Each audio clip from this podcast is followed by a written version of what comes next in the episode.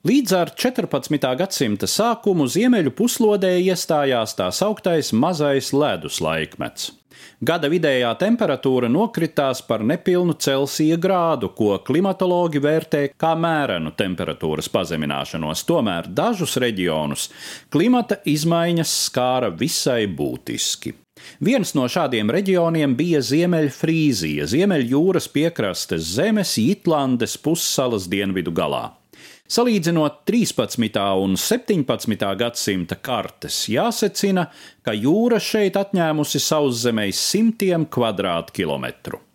Rakstītie avoti saglabājuši ziņas par vairākām sevišķi postošām vētrām, kuru laikā zem ūdens pazuduši lauki, ciemi un veselas pilsētas. Pēdējā lielākā ūdens nelaime piemeklēja Ziemeļfrīzu zemes 1634. gada 11. oktobra naktī. Tā kā vien pāris dienas šķir šo datumu no svētā Burharda dienas, katastrofa ieguvusi Burharda dienas plūdu nosaukumu. Gadsimtiem ilgi frīzi, kuri apdzīvo šos krastus, apņēmīgi cīnījušies ar Ziemeļjūras uzbrukumiem. Piekrastē tikusi izveidota grandioza aizsargdambju sistēma, kam bija jāpasargā lauki, ganības un mājas no uzbrukošajiem viļņiem. Diemžēl 17. gadsimta pirmajās desmitgadēs Ziemeļfrīzijas piekrastes zemes bija piedzīvojušas dažādas likstas, kuras mazināja iedzīvotāju skaitu, laupot dambju atjaunošanu atjaunošanai nepieciešamās darba rokas. 1603. gadā šeit bija plosījusies mēra epidēmija, savukārt 1618. gadā izcēlās 30 gadu karš, kura laikā šejienieši aktīvi pretojās dažādu karojošo pušu mēģinājumiem izvietot šeit savas armijas.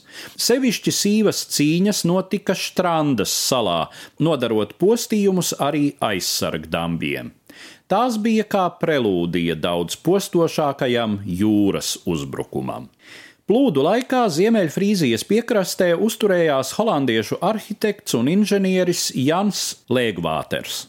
Viņš kopā ar savu mazgadīgo dēlu bija apmeties mājā netālu no aizsargdāmbja, taču vēlu vakarā, kad vētras dzītie viļņi sāka šļākties pāri valnim uz ēkas jumta, abi devušies meklēt patvērumu tuvējā paugurā uzceltajā muīža sēkā. Lēgvāters raksta. Sagriezās ziemeļrietenis un traucās pret ēku ar tādu spēku un niknumu, kādu nekad mūžā netiku pieredzējis. Stiprajām ēkas rietumu puses durvīm viļņu spēks norāva aizbīdņus, ūdens pielēja pavārdu un skalojās pa gaiteņiem, smeldamies manos stulmeņos ceļa augstumā. Tātad 13 pēdas augstāk par kādreizējo tīrumu zemi. Ēkas ziemeļu stūrī, kas bija vistuvāk novadkanālam, zem pamatiem izskalojas zemi. Tā tāpēc sienas, gaitenis un grīdas sabruka. Šķita, ka mūžai un visiem, kas tajā patvērušies, lemts tikt ieskalotiem jūrā.